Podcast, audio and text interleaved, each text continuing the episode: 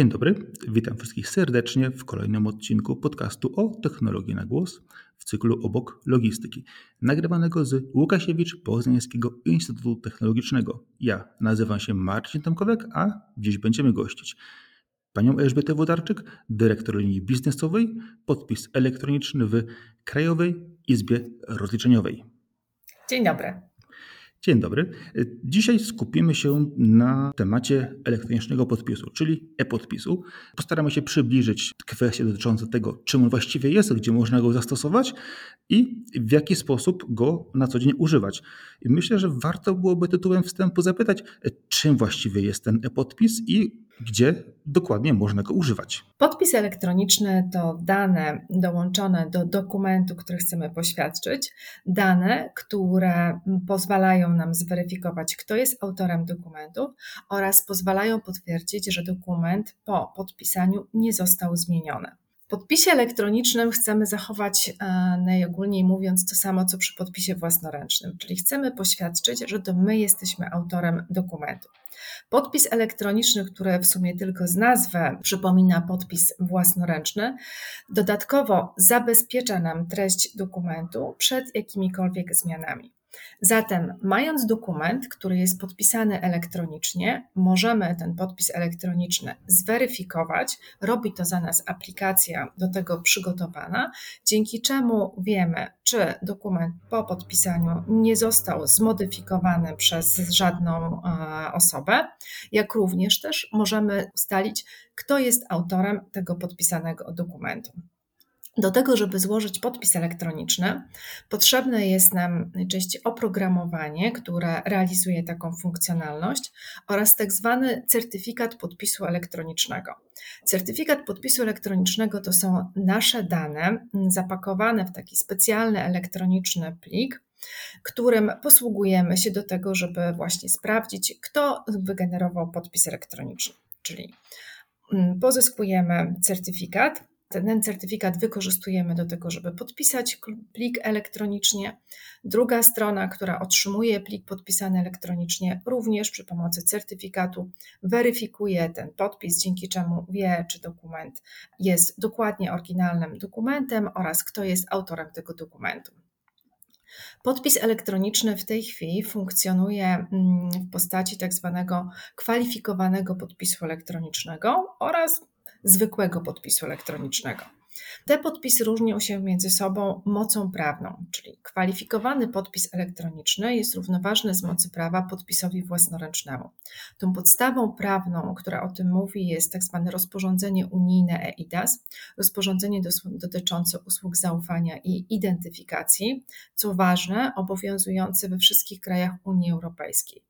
Zatem kwalifikowany podpis, który złożymy pod naszym dokumentem, jest honorowany w całej Unii Europejskiej. Do tego, żeby składać kwalifikowany podpis elektroniczny, potrzebny jest nam kwalifikowany certyfikat, który możemy otrzymać od kwalifikowanego podmiotu świadczącego usługi zaufania.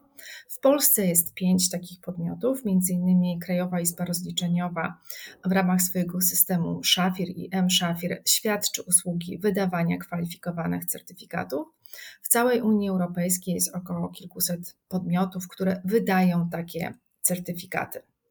Drugim rodzajem podpisu, o którym wspomniałam, to jest tak zwany zwykły podpis elektroniczny. Tutaj możemy mm, używać certyfikatu, jakie na przykład generowane są przy użyciu oprogramowania wykorzystywanego w danej organizacji. Różnica jest taka, że w przypadku zwykłego podpisu elektronicznego strony muszą się umówić pomiędzy sobą co do tego, że honorują taki sposób autoryzacji. Zatem albo wykorzystujemy kwalifikowany podpis elektroniczny, który ma podstawę prawną i jest honorowany zarówno w urzędach, zarówno w różnego rodzaju firmach na terenie Polski, na terenie całej Unii Europejskiej, albo stosujemy zwykły podpis elektroniczny. On najczęściej jest wykorzystywany na przykład wewnętrznie w firmie albo do korespondencji pomiędzy mm, stowarzyszonymi, skojarzonymi ze sobą firmami. Wspomniała Pani właśnie o podpisie kwalifikowanym i podpisie zwykłym. Wszystkie wymagają certyfikatu odpowiedniego umieszczenia, powiedzmy to w prawie bądź też w strukturze firmy, ale to, co pojawiło się wcześniej, to ilość podmiotów, która tak naprawdę obsługuje te, te podpisy. Czym kierować się przy wyborze tego podpisu, właśnie jakimś podmiotem, krajem?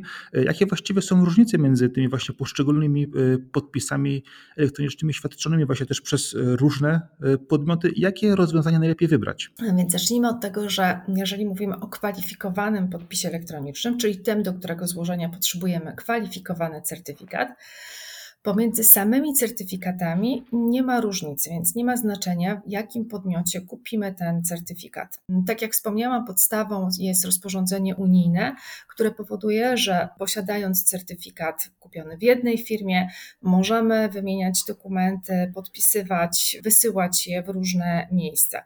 Wszystkie kwalifikowane certyfikaty wydane przez kwalifikowane podmioty mają tą samą moc prawną. Różnica jest bardzo często w funkcjonalności, w sposobie otrzymania tego certyfikatu, w dodatkowych narzędziach, jakie udostępniają podmioty do tego, żeby z takiego certyfikatu skorzystać.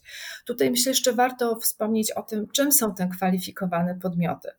Otóż, tak jak wcześniej zaznaczyłam, do weryfikacji podpisu elektronicznego wykorzystywany jest certyfikat, czyli jest to taki elektroniczny plik, w którym zapisane są nasze dane. I właśnie po to, żeby każda osoba, która otrzyma taki podpisany plik, mogła działać w zaufaniu do tego certyfikatu, czyli wierzyła, że dane, które są zapisane w tym certyfikacie, potwierdzające moje imię i nazwisko oraz mój na przykład numer dokumentu tożsamości, rzeczywiście są prawidłowymi danymi, do tego potrzebny jest podmiot, który taki certyfikat wyda. Czyli kwalifikowany podmiot, wydając certyfikat, potwierdza, że dane zawarte w tym certyfikacie zostały zweryfikowane, zostały sprawdzone i że dany certyfikat faktycznie należy do danej osoby. To jest obowiązek kwalifikowanego podmiotu i tym się głównie zajmuje, żeby właśnie weryfikować tożsamość osoby, wydać jej certyfikat i potem obsługiwać ten certyfikat w swoim okresie ważności. To wydanie certyfikatu może się odbywać na kilka sposobów, natomiast jak może być to realizowane, znowu wynika z rozporządzenia EIDAS, czyli sposób wydania kwalifikowanego certyfikatu jest bardzo ściśle określony w przepisach unijnych. I certyfikat może być wydany po weryfikacji tożsamości, która może być przeprowadzona umownie się mówi twarzą w twarz, czyli weryfikujemy mm, tożsamość osoby bezpośrednio, oglądając jej dokument tożsamości, porównując zdjęcie z wizerunkiem e, danej osoby. Możemy również potwierdzić tożsamość zdalnie z wykorzystaniem tzw. Tak środków identyfikacji elektronicznej, bądź też przy użyciu innego kwalifikowanego certyfikatu, którym posługuje się dana osoba. Czyli kwalifikowany podmiot ma obowiązek zweryfikować tożsamość osoby, dla której ten certyfikat jest przeznaczony, przekazać takiej osobie certyfikat, który następnie ta osoba będzie mogła używać do złożenia kwalifikowanego podpisu. W każdym dokumencie, do którego będzie dołączony taki kwalifikowany podmiot, dodany jest również nasz certyfikat, dzięki czemu osoba, która otrzyma podpisany plik, może obejrzeć dane zawarte w certyfikacie, czyli może sprawdzić, kto jest nadawcą, kto jest autorem dokumentu, jak również wykorzystać ten certyfikat do tego, żeby zweryfikować, czy plik z podpisem elektronicznym nie został zmieniony. Warto tutaj wspomnieć również o tym, że udostępnienie certyfikatu nie wpływa w żaden sposób negatywnie na bezpieczeństwo. Ten certyfikat jest tylko naszym takim właśnie dowodem elektronicznym, ale z, przy użyciu tego certyfikatu osoba, która go będzie wykorzystywała, nie może za nas złożyć podpisu elektronicznego. To jeszcze wrócę do Pana pytania o to, czym się różnią podmioty i na co warto zwrócić uwagę. Właśnie wybierając podmiot, w którym chcemy kupić certyfikat, warto sprawdzić, w jaki sposób weryfikuje tożsamość użytkowników. Czy musimy to zrobić tylko i wyłącznie przyjeżdżając do placówki danej firmy, czy też na przykład możemy zrobić to online'owo. W ramach naszych usług, które udostępniamy użytkownikom, oferujemy system M-Shafir, w ramach którego tożsamość użytkownika może być potwierdzona zdalnie z wykorzystaniem bankowości elektronicznej. Zatem użytkownik może w dowolnym momencie wejść na naszą stronę mshafir.pl, potwierdzić swoją tożsamość z wykorzystaniem swojej bankowości elektronicznej, na podstawie danych, które przekaże nam bank, na podstawie tożsamości potwierdzonej przez bank, przygotujemy certyfikat, który następnie użytkownik może wykorzystywać do złożenia podpisu. Kolejnym elementem, na który warto zwrócić uwagę, to to, w jaki sposób można później z samego e-podpisu korzystać. Podpis elektroniczny, poza tym takiej formule mobilnej, jest wydawany również w postaci zestawu z kartą kryptograficzną. Mm, warto sprawdzić, jakie systemy operacyjne wspiera rozwiązanie udostępniane przez dany kwalifikowany podmiot, czy na naszym komputerze będziemy mogli używać danego zestawu pochodzącego od danego dostawcy, albo jeżeli chcemy korzystać wyłącznie z rozwiązań mobilnych, to warto wybrać ofertę dostawcy, który właśnie oferuje podpis e, mobilny, czyli taki, który pozwala nam na złożenie kwalifikowanego podpisu, ale bez konieczności używania fizycznych nośników w postaci karty kryptograficznej czy czytnika, mm, czytnika kart. Podpis elektroniczny wymaga, tak jak Pani wspomniała wcześniej, poświadczenia tożsamości osoby, która y, ubiega się o certyfikat, która później go posiada i podpisuje dany dokument. W przypadku dokumentu papierowego zazwyczaj mamy ten podpis, y, wierzymy tak od razu, że podpisała to właściwa osoba, bądź też widzimy, że ta osoba ten podpis na przykład przy nas umieściła w danym dokumencie.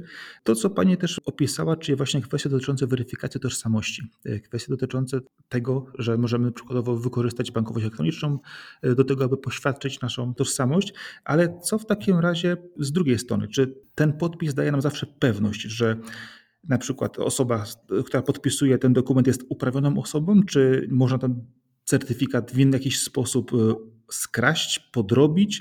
E, jak tak naprawdę uwiarygodnić tę osobę po drugiej stronie, której no, często nie widzimy, nie znamy w żaden sposób? I jak się ustrzec właśnie przed takimi kwestiami no, niebezpieczeństwa związanego z podpisem, który gdzieś tam zawsze się w tyle głowy myślę, że pojawia. Podpis elektroniczny jest tak naprawdę mm, dużo bardziej bezpieczny niż podpis własnoręczny. Mm, właśnie z uwagi na to, że daje nam więcej możliwości i bardziej pewną weryfikację mm, tego, kto ten dokument podpisał, jak również no, łatwiej jest sprawdzić i trudniej podrobić sam podpis elektroniczny. W przypadku podpisu, który składamy na kartce, po pierwsze, mm, osoba, która weryfikuje taki podpis, mm, aby mogła ze stuprocentową pewnością potwierdzić, że jest to podpis danej osoby, musi posiadać dwie rzeczy. Po pierwsze, musi posiadać wzorzec podpisu osoby, która się e, podpisała na danym dokumencie. Po drugie, musi posiadać wiedzę, aby wiedzę grafologiczną, aby móc potwierdzić, że faktycznie ten podpis, który jest na dokumencie, faktycznie został złożony przez tą osobę. Czyli mamy tutaj pewną trudność i tak na dobrą sprawę codziennie obcując dokumentami podpisanymi własnoręcznie, bardzo często działamy w zaufaniu, mimo wszystko z bardzo dużym ryzykiem, mm, co do tego, że no nie wiemy, kto tak na dobrą sprawę podpisał się pod dokumentem. Widzimy czyjś podpis, być może bazujemy na skanie mm, jakiegoś podpisu i porównując tylko taką wiedzą, jaką dysponujemy, zakładamy, że jest to rzeczywiście podpis złożony przez daną osobę. W przypadku podpisu elektronicznego mm, zyskujemy dużo więcej. Po pierwsze, właśnie na podstawie certyfikatu, który jest dołączony do podpisu, wiemy, kto ten podpis złożył. Możemy w czytelny sposób odczytać imię i nazwisko oraz e, identyfikator tej osoby, PESEL bądź też numer dokumentu tożsamości. Certyfikat jest wydany przez kwalifikowany podmiot, który ma pewne obowiązki, ma również odpowiedzialność. W związku z tym mamy gwarancję do tego, że rzeczywiście te dane, które są wskazane w certyfikacie, należą do właściwej osoby. Kolejną rzeczą jest to, że jeżeli otrzymujemy dokument podpisany elektronicznie, aplikacja, która nam ten dokument otwiera, w tle weryfikuje podpis elektroniczny sprawdza kryptograficznie, czy rzeczywiście, czy dokument nie został zmieniony. W związku z tym, jeżeli mamy umownie mówiąc, na przykład plik PDF opatrzony podpisem elektronicznym, który otwieramy w aplikacji Adobe Reader, wchodząc w, w wynik weryfikacji dokonany przez tą aplikację, mamy informację o tym, kto złożył ten podpis elektroniczny oraz jeżeli w cudzysłowie wyświetla nam się na zielono tik, że podpis jest OK, to mamy pewność co do tego, że podpis nie został podrobiony. Co to oznacza?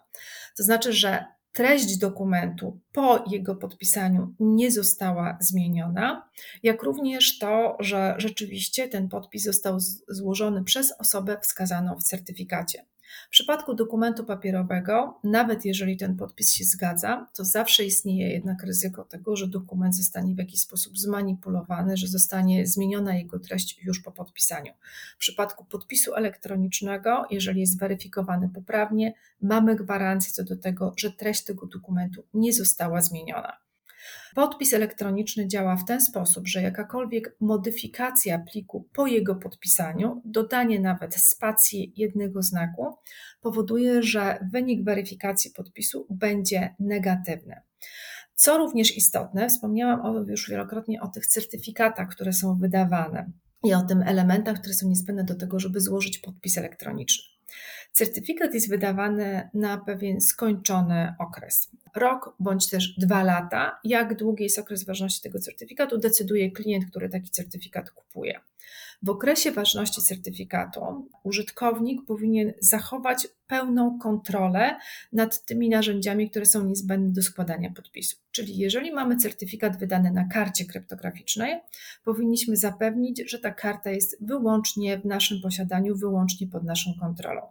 Jeżeli byśmy zgubili tę kartę, bądź też ktoś ukradłby nam kartę, mamy możliwość natychmiastowego zastrzeżenia naszego certyfikatu. Każdy z podmiotów, który wydaje certyfikat, ma obowiązek całodobowej obsługi zastrzeżeń certyfikatu. Czyli jeżeli zorientujemy się, że straciliśmy kontrolę nad naszą kartą do składania podpisu, możemy skontaktować się z wydawcą tego certyfikatu, który zastrzeże ten certyfikat, czyli opublikuje tak zwaną listę, na której będzie widniał numer seryjny tego certyfikatu, co będzie oznaczało dla wszystkich aplikacji, które mm, weryfikują podpis elektroniczny, że ten certyfikat nie powinien być wykorzystywany do weryfikacji. Zatem wynik weryfikacji podpisu, który był złożony przy użyciu zastrzeżonego certyfikatu, będzie negatywny. Czyli mamy tutaj szereg mechanizmów, które są skojarzone z, z podpisem elektronicznym, co ważne, uregulowane prawnie, które dają nam rzeczywiście pewność tego, że podpis elektroniczny po pierwsze nie może być sfałszowany. Nawet jeżeli cokolwiek się z nim dzieje, to mamy mechanizm poinformowania wszystkich użytkowników: nie używajcie mojego certyfikatu, bo on jest już skompromitowany. To nie ja złożyłem podpis, na przykład w przypadku, gdyby ktoś nam ukradł naszą kartę i jeszcze odgadł PIN dostępowy do naszej karty. Podobne mechanizmy działają w przypadku certyfikatów mobilnych.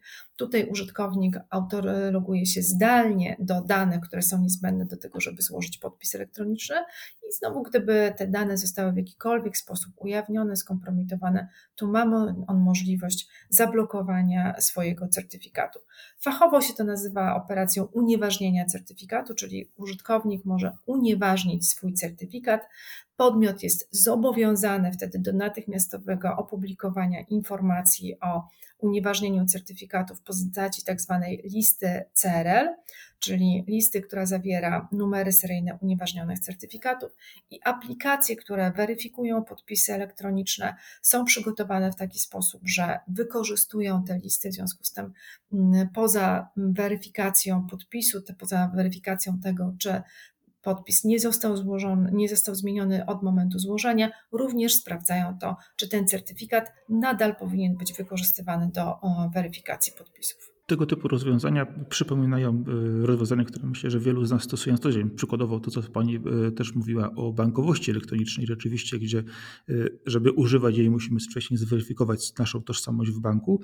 Z drugiej strony też w kwestii dotyczące karty kryptograficznej, czy też urządzeń, które pomagają w odczytaniu bezpośrednio danych zawartych na tym nośniku. Ja sam na przykład używam też kluczyk szyfrujących, więc też wiem mniej więcej, jak to wygląda i zdaję sobie z tego sprawę, że zgubienie tak samo karty kredytowej, fizycznego klucza, czy też karty kryptograficznej no jest bardzo kluczowym elementem w, w momencie zastrzeżenia tego e, podpisu, ale z drugiej strony te podpisy kojarzą się częściej instytucjami. Ja sam też do, do, otrzymywałem dokumenty, które były podpisane elektronicznie w różny sposób.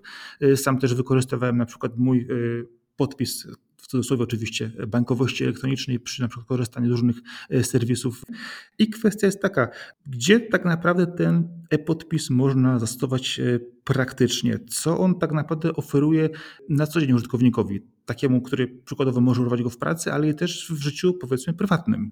Z uwagi na tą podstawę prawną, czyli rozporządzenie EIDAS i zrównanie go z podpisem własnoręcznym, podpis elektroniczny kwalifikowany możemy zastosować praktycznie wszędzie i możemy zastąpić nim dokumenty, które do tej pory podpisywaliśmy papierowo. Czyli widzimy, że rzeczywiście klienci stosują to bardzo często mm, w swojej działalności biznesowej. Też wynika to z tego, że polska administracja od bardzo wielu lat stosuje podpis elektroniczny i wręcz wymusza na klientach przesyłanie dokumentów wyłącznie w formie elektronicznej opatrzonych kwalifikowanym podpisem elektronicznym.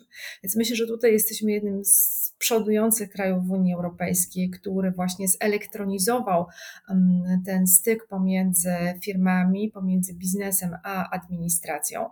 Więc poza tym, że możemy przesyłać dokumenty do różnego rodzaju urzędów, możemy stosować podpisy elektroniczne do zawierania umów, do podpisywania wszystkich dokumentów, które stosujemy na co dzień w działalności każdej firmy. Jak również możemy go stosować jako osoby fizyczne.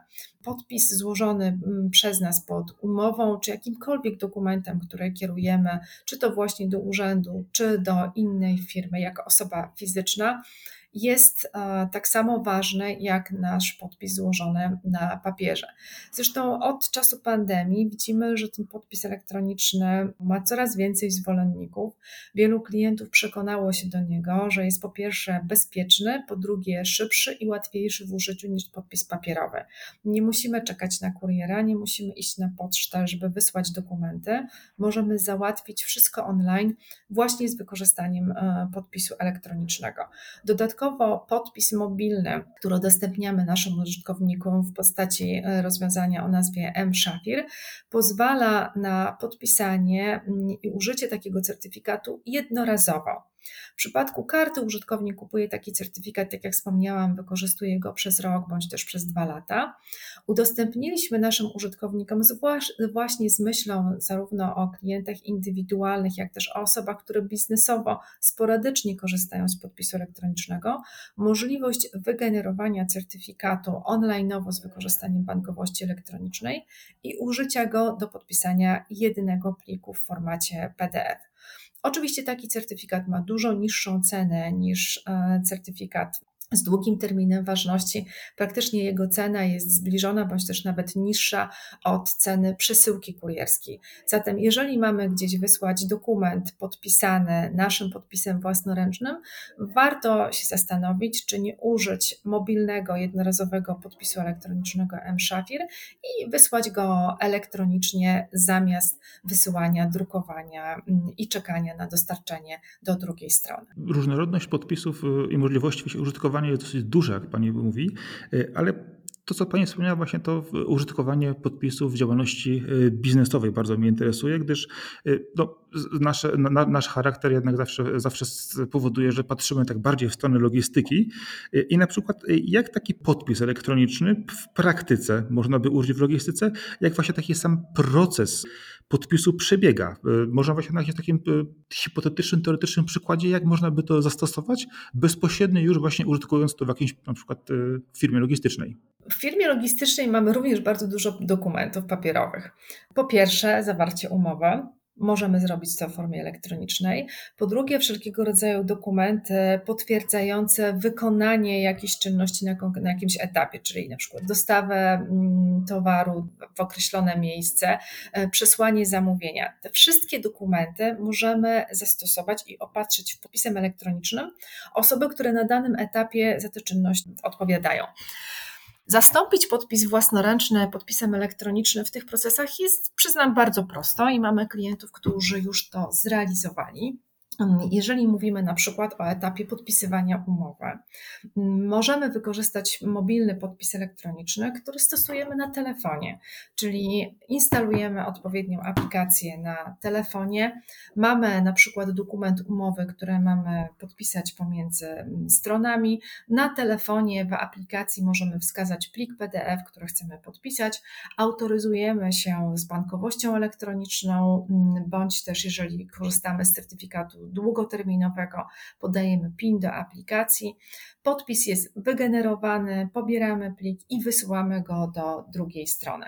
Możemy to zrobić, e, można powiedzieć, ręcznie, czyli właśnie wykonać te wszystkie kroki, o których e, mówiłam, ale też mm, udostępniamy narzędzia, które pozwalają zintegrować funkcjonalność podpisu elektronicznego z systemami, które korzystają klienci. Czyli jeżeli mamy w ramach tego firmy logistycznej jakiś, jakiś system, który generuje nam dokument zamówienia, generuje nam dokument potwierdzenia dostawy, możemy bardzo prosto zakończyć na etapie wygenerowania takiego dokumentu, dołączyć do niego funkcjonalność podpisu. Udostępniam tutaj specjalne narzędzia, które pozwalają na taką integrację, po to, żeby w tej aplikacji, w tym systemie, który dokument powstanie, w cudzysłowie był, domyśl, był guzik podpisz, na który użytkownik może kliknąć, włożyć albo kartę do czytnika, albo podać um, kod z aplikacji mobilnej i wygenerować swój podpis elektroniczny, zostawić ten podpis dokumentem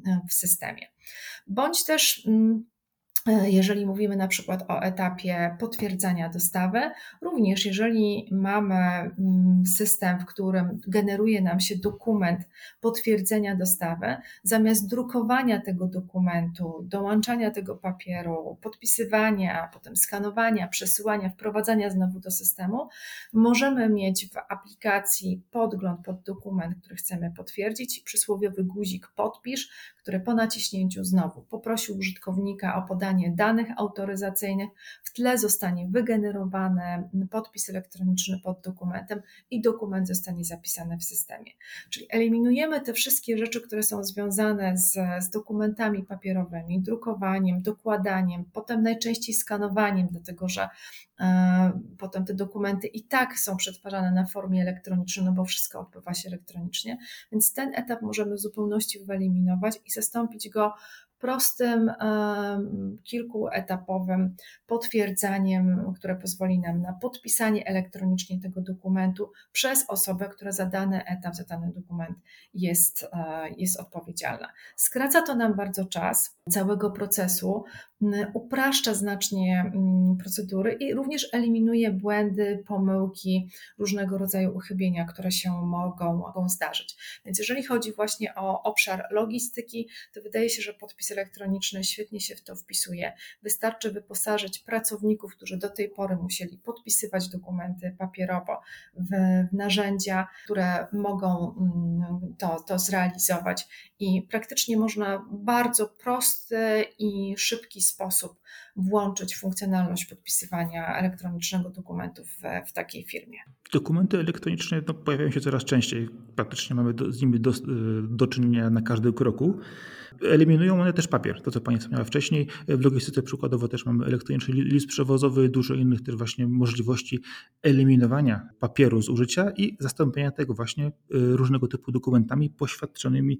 Ale w takim razie, gdzie przy e-podpisie jest y, miejsce na to rozwiązanie stricte ekologiczne? No, przede wszystkim pozbywamy się dokumentów papierowych, czyli nie musimy drukować, nie musimy skanować tych dokumentów nie musimy tych dokumentów przechowywać. Mm, tak więc, jeżeli mówimy o tym, że właśnie wysyłamy zamówienie, tak, jeżeli to zamówienie musi iść papierowo, to znaczy ktoś je musi dostarczyć, czyli już tutaj eliminujemy generowanie śladu węglowego poprzez to, że chociażby kurier nie musi do nas przyjeżdżać, odbierać od nas przesyłek i dostarczać je do drugiej strony. Skracamy też czas wykonywania pewnych czynności, dlatego że taki podpisany dokument jest natychmiast dostępny e, dla drugiej, drugiej strony. Nie składujemy tych dokumentów, nie musimy ich też później niszczyć tym samym. Więc tutaj no, praktycznie można powiedzieć podpis elektroniczny, ale też podpis ekologiczny. Różnorodność e, zastosowania tego podpisu jest bardzo, bardzo duża. E, tak jak Pani wspomniała właśnie o tym, że jest on szybszy, jest on praktycznie rzecz biorąc Y, poświadczony od razu. Y, I też wcześniej wspominała Pani o tym, jak to można używać go właśnie jako osoba fizyczna, jak można go na co dzień y, mieć przy sobie też przykładowo w telefonie, czy też na przykładzie karty, które możemy mieć w portfelu. Ale patrząc w przyszłość, e-podpis, Jaka jest jego e, przyszłość, jaka może być jego rola i czy, ważne, czy on może tak naprawdę zastąpić podpis tradycyjny? Myślę, że tak. W jakiejś perspektywie podpis własnoręczny będzie w mniejszości. Przez wiele lat podpis elektroniczny no, przebija się do świadomości użytkowników i widzimy, że mm, użytkownicy, którzy najpierw byli zmuszeni do jego stosowania, zwłaszcza właśnie z uwagi na regulacje, e, wymagania mm, urzędów, w pewnym momencie przyzwyczajają się do niego i właściwie nie wyobrażają sobie bez niego życia.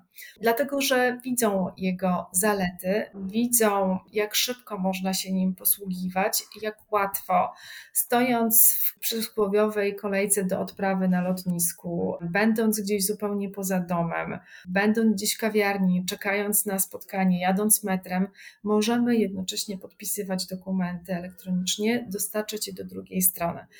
Zajmuję się tematyką podpisu elektronicznego od ponad 20 lat, mm, ale przyznam też, że zdecydowanie wolę dokumenty podpisane elektronicznie i w tej chwili w ramach swojej działalności, wszędzie tam, gdzie jest potrzebny podpis, proszę, zalecam, wykorzystuję podpis elektroniczny. Również z tego powodu, że jest on dużo bardziej bezpieczniejszy niż podpis własnoręczny.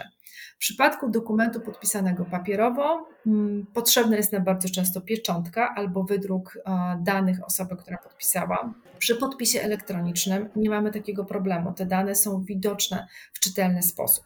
Dodatkowo mm, wiemy, że ten podpis, jeżeli się weryfikuje prawidłowo, to jest on rzeczywiście podpisem prawidłowym.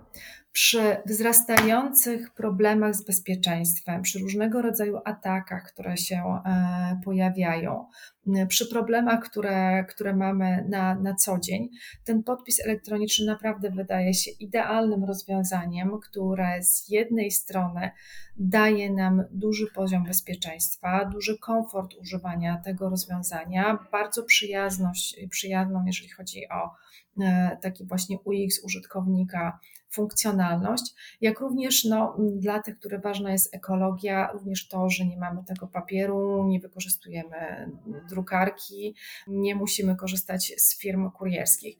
Więc myślę, że za parę lat nawet może nie spostrzeżemy się, jak okaże się, że ten podpis elektroniczny jest czymś, co każdy ma, albo może z niego skorzystać wtedy, kiedy zachodzi taka potrzeba, a podpis tradycyjny będzie w mniejszości i myślę, że też będzie taki pewien moment, kiedy się okaże, że te dokumenty papierowe nam po prostu przeszkadzają.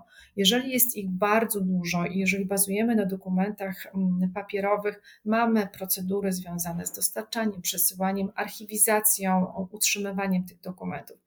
Jeżeli tych dokumentów zacznie być kilka, kilkanaście, kilkadziesiąt, będzie ich zdecydowanie mniej, okaże się, że utrzymanie procesów dla kilku, kilkudziesięciu dokumentów jest po prostu problematyczne. I też myślę, tu warto zwrócić uwagę na to, co zrobiły urzędy właśnie administracji publicznej. Najpierw te dokumenty podpisane elektronicznie były stosowane zamiennie z dokumentami papierowymi, a w tej chwili w wielu systemach, w wielu miejscach nie prześlemy dokumentu podpisanego papierowo. Wymagany jest tylko i wyłącznie dokument podpisany elektronicznie, właśnie z uwagi na to, że te kilka dokumentów papierowych po prostu zaburza nam pracę, a dodatkowo nakłada na nas pewne obowiązki związane z utrzymaniem, zarządzaniem e, tymi dokumentami. Także myślę, że przyszłość to jednak podpis elektroniczny. Podpis elektroniczny ma dużo plusów, e, które rzeczywiście jest zalet, które Pani wymienia. E, zawsze najprościej patrząc, e, podpisanie dokumentu, który, tak jak Pani wspomniała, musi być wysłany przez, przez kuriera, gdzie idzie w ślad za nim cały proces śladu węglowego pojazdu, który tam jest, kwestie dotyczące papieru, kwestie zeskanowania ponownie tego dokumentu, wrzucenia go do systemu. Dużo, dużo rzeczy potrafi system podpisu elektronicznego nam w tym miejscu ograniczyć. Y, co ważne, gwarantuje nam też bezpieczeństwo, y, gwarantuje nam też y, to, że ten dokument będzie właściwie przechowywany, a na przykład nie będzie tak w przypadku też kilku spraw, które miały u nas też miejsce w ostatnich latach, gdzie rzeczywiście archiwum płonęło i dokumenty były praktycznie stracone i nie do odzyskania. Tego typu rozwiązanie myślę, że tak Panie wspomnieli, jest przyszłością. Jest y, rozwiązaniem, które często dużo z nas sobie nie zdaje sprawy, używa na co dzień podświadomie, na przykład właśnie w bankowości elektronicznej. Y, no i tego typu informacje myślę, że mogą być y, bardzo przydatne zarówno dla firm, jak i też dla osób fizycznych, które by chciały tego podpisu używać, bądź też na przykład rozszerzyć użytkowanie tego podpisu.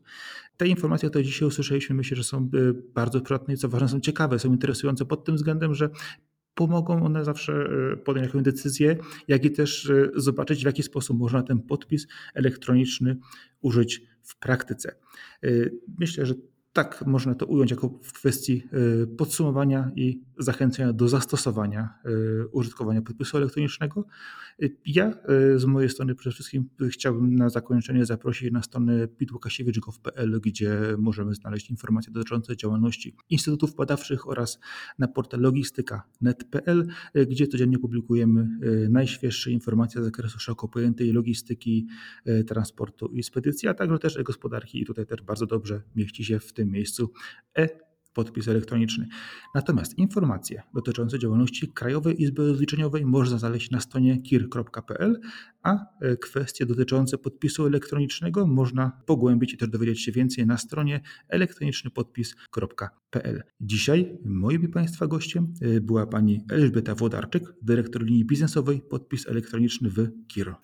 Dziękuję bardzo za zaproszenie. Dziękuję także bardzo za spotkanie i y, serdecznie dziękuję też za uwagę wszystkim, którzy przesłuchali tego odcinka. Zapraszam jednocześnie do następnego i do usłyszenia.